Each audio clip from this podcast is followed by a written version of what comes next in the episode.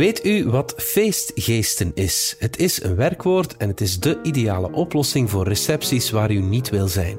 Nele van den Broek, een professional op het gebied van feestgeesten, wil het u graag leren. Eén tip: check vooraf even waar de nooduitgang is.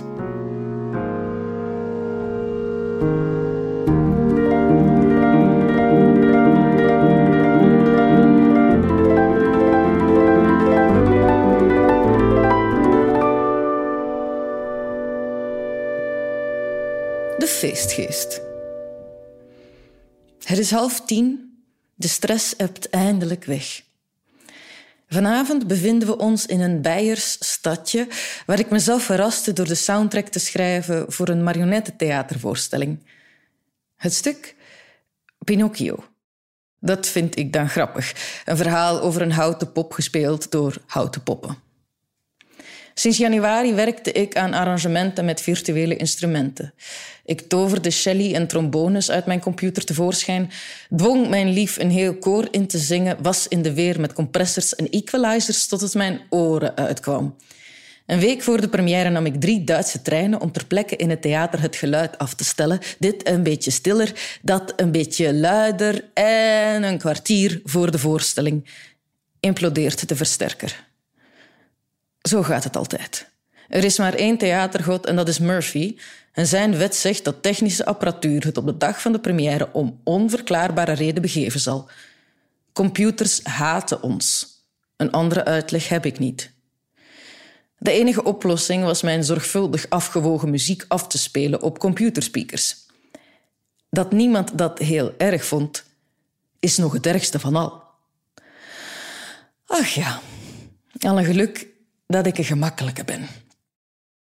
Na de voorstelling stond er nog een concert van Nele Nietse Holiday op het programma. Dat ben ik. Een klein uur stond ik een zaal Duitsers compleet akoestisch te entertainen met ukulele en liefdesverdriet. Ik zweette met de pletter, maar het ging goed. Nu is het voorbij. Tijd voor bubbels en receptie. Ik heb een half glas op wanneer ik mij herinner dat ik een bloedhekel heb aan recepties.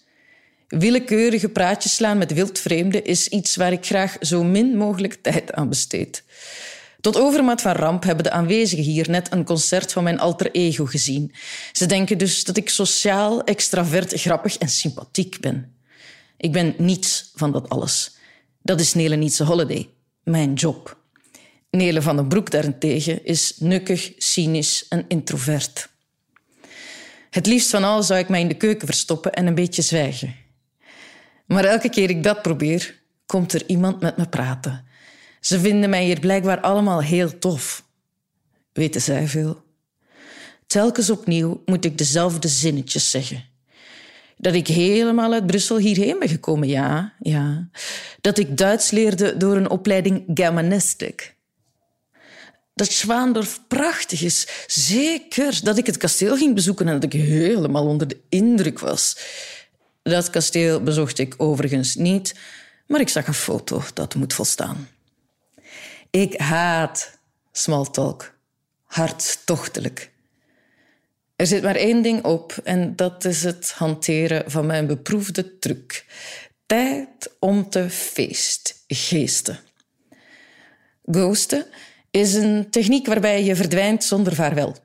In mijn liefdesleven ben ik veelvuldig geghost geweest door mannen die na een paar dates mij zonder boe of ba volstrekt negeerden. Het is een pijnlijk laffe manier om iemand je desinteresse te tonen en in romantische situaties is het absoluut verachtelijk.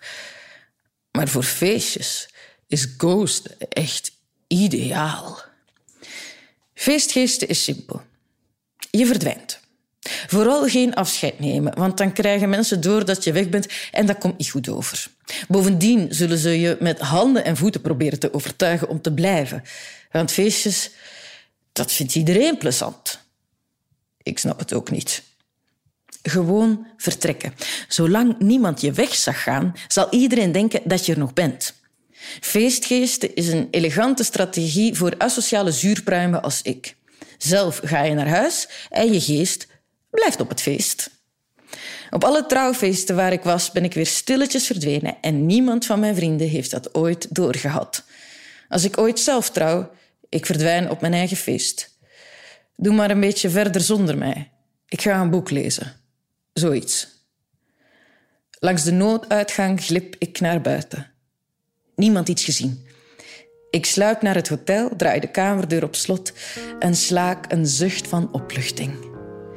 Ik trek die hemeltergende nylon kous uit, zwier een pyjama aan en kruip het bed in met een podcast. Het is half elf. De stress hebt eindelijk weg.